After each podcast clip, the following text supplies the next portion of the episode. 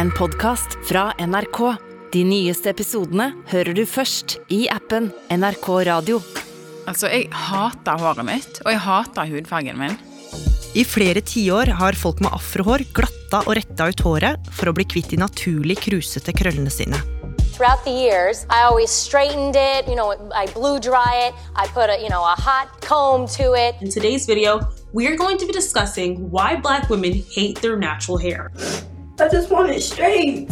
And they keep having that fucking hump in it like, damn, uh. Veien til det lange, rette og glansfulle mørke håret har vært både smertefull og full av farlige kjemikalier som svir. You're burning your scalp to the point you've got scabs in your hair to make your hair straight, to fit in with this Western concept of beauty. Så var det jo liksom sånn at Hvis en gikk med naturlige krøller, så skjedde det jo at folk bare stakk hånda i håret for å kjenne. Og det skjer med folk verden over. Everybody wants to touch it. And they're like all up in your face. They're like, hey! And you're like, oh, wait, no. Men nå har det vokst fram en ny bevegelse. En bevegelse av krølltopper som kjemper for retten til å la sitt naturlige hår gro. Og nå er den også kommet til Norge. Du hører på Oppdatert. Jeg heter Gry Baby. Har jo krøllete afroteksturert hår sjøl, men etter at jeg dukka ned i hvordan det sto til i Norge, så fikk jeg ganske mange overraskelser, altså. Jeg har liksom oppdaga hvor sjukt mange det er som har følt skam og stigma knytta til det å ha naturlig afrohår. Ida Yasin Andersen, i TV-serien du har laga som heter Krøll, så utforsker du hvordan mange nordmenn med afrohår har mislikt det krøllete håret sitt, og gjort alt i sin makt for å få langt og rett hår. Ja. Folk strekker seg ganske langt av og til for å oppnå dette idealet. Vi snakker strykejern til sterke kjemikalier som kan svi skikkelig i hodebunnen og i huden hvis en ikke er forsiktig nok. Og alt dette for å få hår så, ja, så egentlig ligner litt på håret til hvite mennesker. Og da er det viktig å presisere at det er ikke alle som gjør det av den grunnen, men for mange så har det handla om et slags kvitt ideal som bare har blitt prakka på oss gjennom mange år. Og i dag, Ida, så har jo du utrolig kult hår. Jeg har bare lyst til å ta av deg håret og sette det på mitt eget hode. Men å komme dit for deg, altså det at du likte ditt eget hår, det var ikke bare lett. Nei, jeg eh, vokste opp på Stord. Det er altså ei lita, vakker, om jeg skal si det sjøl, norsk øy.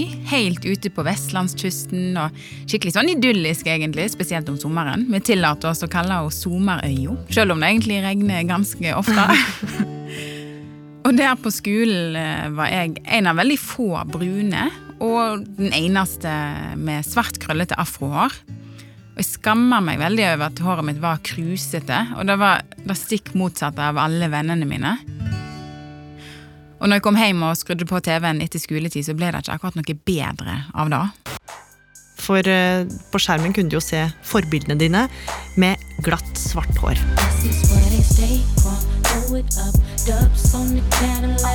Åh, herregud, jeg kjenner det enda når jeg hører denne sangen, Oh av Sierra. Jeg var så fan og syntes at hun bare var tidenes kuleste artist.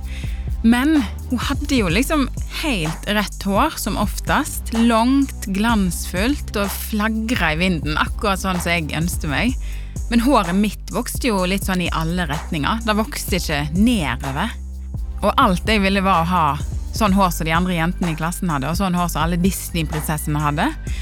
Så på de og tenkte at åh, de hadde så fint hår. Og så var håret mitt sjukt vanskelig og vondt og greia Det var en kamp for både mamma og meg. Mm. Du må ha fått noen floker?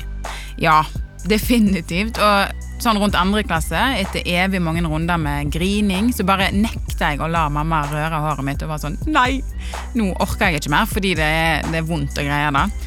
Og det som skjedde da, var jo at det ble kjempemasse floker. Det ble nesten litt sånn dreads-aktig. Og det kan jo være en fin stil da, hvis du, hvis du vil ha det, men ufrivillige dreads var ikke så stas. Ok, så mammaen din hadde rett og slett fått totalforbud nå mot å ta på håret ditt? Ja, og det ble egentlig helt krise til slutt. Så vi måtte rett og slett finne fram saksa, og mamma måtte klippe av meg alt håret. Oi. Og jeg grein, men skjønte veldig godt at vi kunne ikke gjøre noe annet. Vi måtte begynne på nytt. Mm.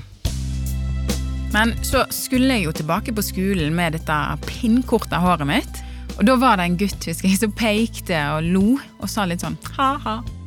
Og alle disse opplevelsene her eh, gjorde nok at jeg begynte å hate håret mitt og hudfargen min, og skamme meg, rett og slett. Så du følte deg litt utafor og på ingen måte fornøyd med hvordan du så ut, men hva kunne man gjøre med det? Det var jo eh, litt av hvert av løsninger. De var kanskje ikke helt gode alle, men når jeg ble litt eldre, så kjøpte jeg meg ei rettetang. Og da var det jo snakk om 200-300 varmegrader som steiker håret. Og jeg husker den lyden som kom. sånn...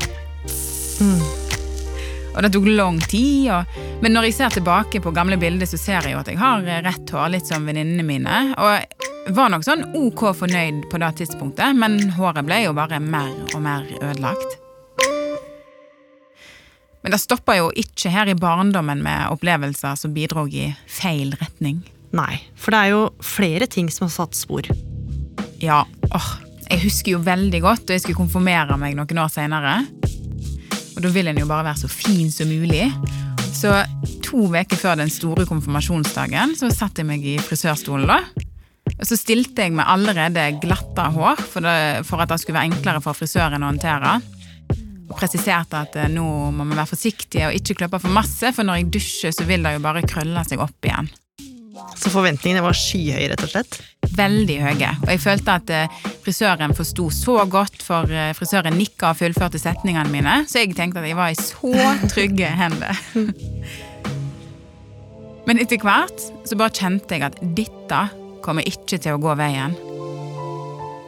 Og da vi var ferdig, følte jeg meg skamkløpt. Og det var altså så mye kortere enn da jeg gikk inn der. Jeg hadde skulderlangt hår, men nå var det nesten til opp under ørene. Jeg tenkte sånn Å nei, dette kommer ikke til å funke når jeg går hjem og dusjer og krøllene mine kommer tilbake. Og jeg husker frisøren spurte om jeg var fornøyd, og jeg bare satt liksom og smilte stivt og nikka og sa mhm. Og gjorde alt jeg kunne for å ikke begynne å grine. Så jeg kan jo le av det i dag, men, men det var ganske sånn traumatisk da. Så det ble ikke bra, for frisøren hadde nok ikke helt sånn peiling på afrohår. Og selv om moren din, som også møtte deg gråtende utenfor frisørsalongen, fant en kriseløsning ved å lage rastafletter til konfirmasjonsbildet, så fortsatte jo det problematiske forholdet til håret ditt å være en floke til uti 20-åra.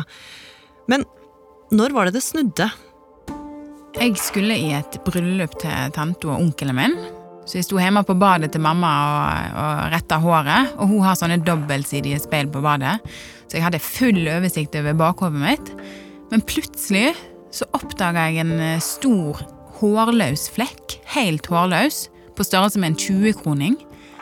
Jeg fikk jo helt panikk og tenkte at nå har dette håret fått så sjukt røff behandling i så mange år, så nå må jeg roe ned. Jeg ante jo ikke hva det var, hva det kom av, men det ble jo uansett et vendepunkt. Jeg følte at jeg ikke kunne fortsette sånn lenger da. At jeg måtte liksom begynne å like krøllene mine, for det er jo en grunn til at jeg har de. Jeg er halvt afrikansk og halvt norsk. Krøllene er en viktig del av meg.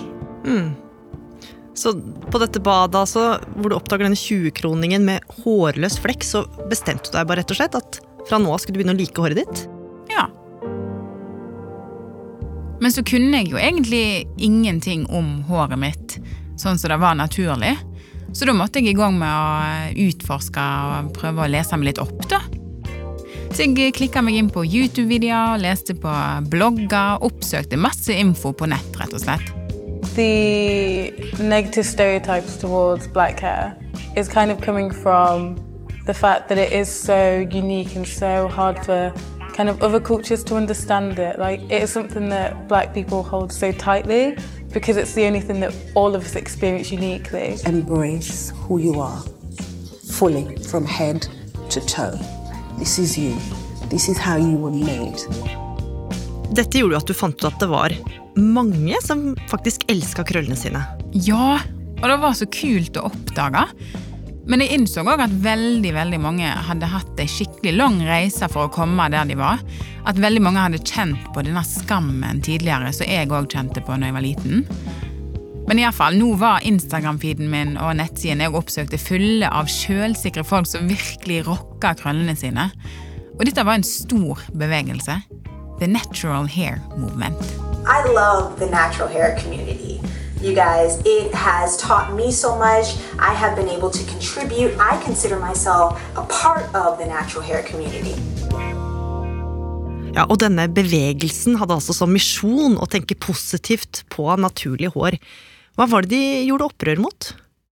Nei, altså Hvis en ser på skjønnhetsidealet opp gjennom historien, så er det ikke så veldig rart at folk har kjent på en skam. Mørke folk med tette afrokrøller har ikke akkurat vært idealord, for å si det mildt. Altså, én ting eh, er at det ikke var veldig masse ikke-hvite forbilder da jeg vokste opp, men når en så folk med afrobakgrunn, for eksempel sånn som Oprah, Rihanna, Beyoncé, Sierra eller Michelle Obama, så hadde jo alle disse som oftest rett hår. Og det har liksom bare vært en sånn greie at sånn skal det være. Spesielt for afroamerikanske damer var, var dette nesten det eneste akseptable, da å ha rett hår. Look crazy. I like it. I might do that. Uh, I wouldn't go that far. Right now, school administrators say the girl's hair is a problem and it needs to be straightened or she'll get kicked out. But her mom doesn't understand how her hair looking like this is wrong. There's an online petition demanding that Beyonce and Jay-Z do something about their daughter Blue Ivy's hair. One commentator said, quote, no child whose mom spends thousands on her hair monthly should live life looking like a sheep. You know what? Y'all need to just get a life. You know what? She's two years old. Og mye av det handler faktisk om ringvirkninger en ser etter slavetida, men òg hvordan hvite folk historisk sett har kolonisert og behandla svarte folk. During slavery, the hair of black people was compared to animals. It was claimed that the tightly coiled African hair was similar to the wool of an animal. That was a way to justify the inhumane exploitation of people. Black people who covered or wore their hair in relaxed hairstyles were considered to be more civilized in Western societies, to the extent that in 1786, black women were required by law to cover their hair in the state of Louisiana. Men The Natural Hair Movement jobber nå for å endre på dette, og det er jo veldig deilig. Og Første bølga hadde vi allerede på 60-tallet. Da var jo afroen et viktig symbol på borgerrettigheter for svarte amerikanere. Og nå har bevegelsen skutt fart igjen. Litt mindre politisk lada, men fortsatt eh, tidvis politisk. Og gjennom internett og sosiale medier så har bevegelsen spredd seg til å bli skikkelig stor og blomstre. Mm. Og gjort mye for deg også? Ja, for min del så innså jeg liksom at det var veldig trist å drive og skamme seg over håret og hudfargen. Det er jo, det er jo snakk om røttene mine. Så det var ekstremt inspirerende å finne denne bevegelsen og se at det var så mange andre der ute. Så inspirerende at jeg la rettetunga på hylla og har ikke rørt henne nå på fem år. Og det er jeg litt stolt over. Men selv om du nå hadde kommet deg over kneika sjæl, så hadde du ikke helt glemt hvordan det var å streve med å føle seg annerledes og utafor. Og nå ville du noe mer enn å bare omfavne ditt eget hår. Ja. Jeg begynte jo å tenke litt på alle disse små ungene rundt omkring som kanskje hadde kjent og kjenner på de samme type følelsene som meg. For overalt i Norge så vokser det jo opp små gutter og jenter med krøllete hår. Små krølltopper. Unger som har helt de samme utfordringene som da jeg var liten. Og da kjente jeg at jeg ville at små krølltopper i dag skal føle seg sett og representert. Så da begynte jeg å jobbe med TV-serien Krøll. Mm. Og mens du jobba med dette, så møtte du mange nordmenn med afrohår og tette krøller. Red lips, black skin, free as hell. Love it, or move over. Og du fant ut noe som var mildt sagt bekymringsfullt om produktene som selges for å få krøllete hår til å bli rett. Ja, og dette er jo ikke akkurat produkt du får kjøpt på Hennes og Maurits. Men på flere afrobutikker i Oslo og ellers i landet så blir det solgt noe som en kaller relaxer, eller antipermanent. Og på nett så kan en jo se sånne veldig fristende reklame. Det er sånn glansfullt hår som beveger seg i vinden og skinner omtrent. Langt og, og rett. With the new Movit Relaxer Cream, I get to wear my hair just like I live my life. So beat the stereotypes. I remember sitting in the kitchen for what seemed like all day while my mother did my hair. Today it's a lot easier thanks to PCJ Original Formula Relaxer with Nutrisheen.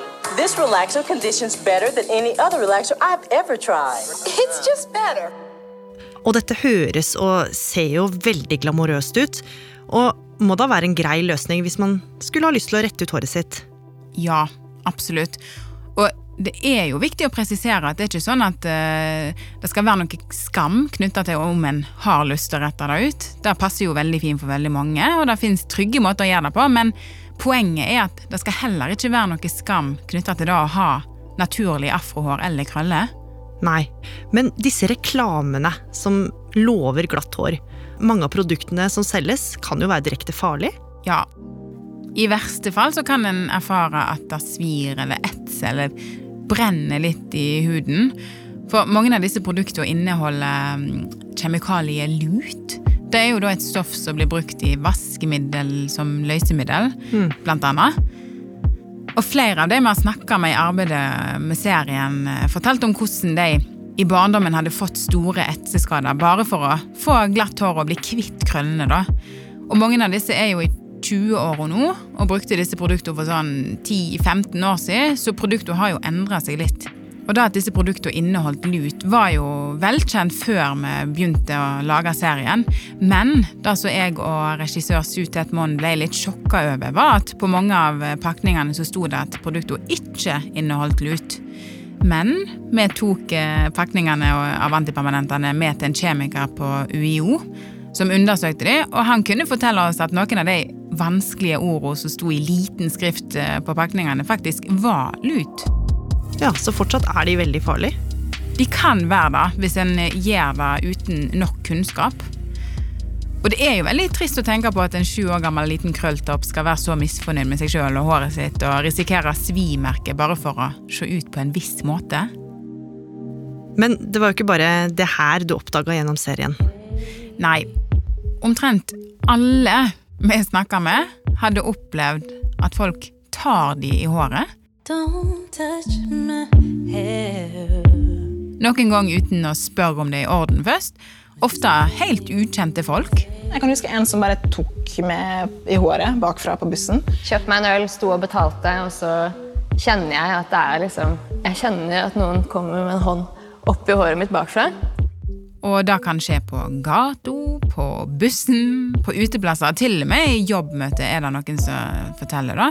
Jeg ble liksom omringa av masse russ som ikke kjente. Som var bare sånn 'Å, afrohår!' Og bare stappa liksom hendene sine i håret mitt.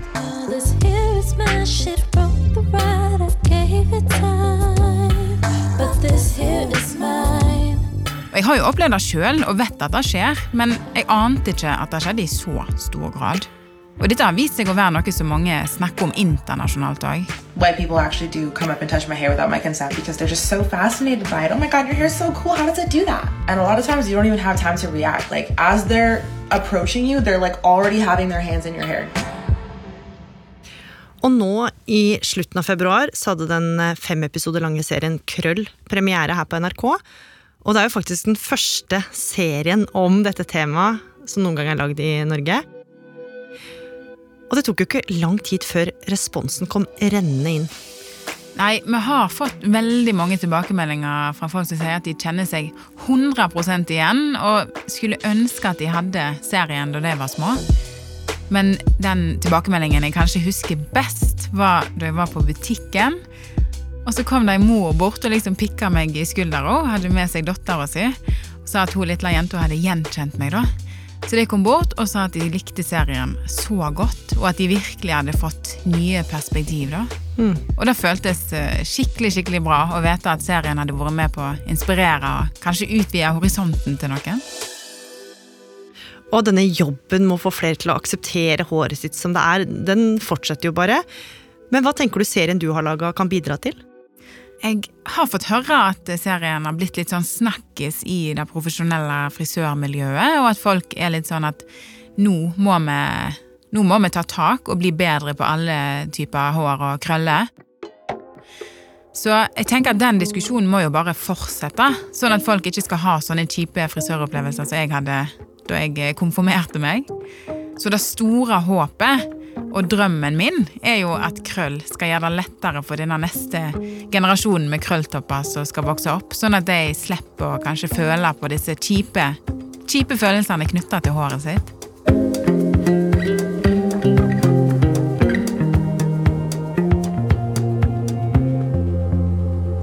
Oppdatert er en podkast fra NRK Nyheter. Og denne episoden ble laga av Martin Holvik, Id Skrivarhaug, Pål Gauslo Sivertsen og meg, Gry Veiby. Programredaktør er Knut Magnus Berge. Klippene du hørte, var fra ABC, Sky News, Good Morning America, The Real og TV-serien Krøll her fra NRK. I tillegg har vi brukt lyd fra sosiale medier-kontoene til profilene Latoya Ebony, Tbilisi, Tony Brian TV og Nicole TV. Du kan ikke utfordre fyr på et utested og si sånn Bli med ut, da. Jeg har øvd på fitnessboksing. Ja, ja. Men da det er egentlig finere metode å slåss på. Bli med meg ut. Vi kjører planka. For der får man jo se. Denne, altså, denne drinken kaller jeg eh, søndagsmorgen. Og når man står opp på søndag, så må man også pusse tenna. Med tannkrem for barn. Null til fem år. Og så har jeg selvfølgelig også en gammel klassiker. Alle i huset må, må jo få seg litt mat. Nå kommer det. Kattemat. Nei.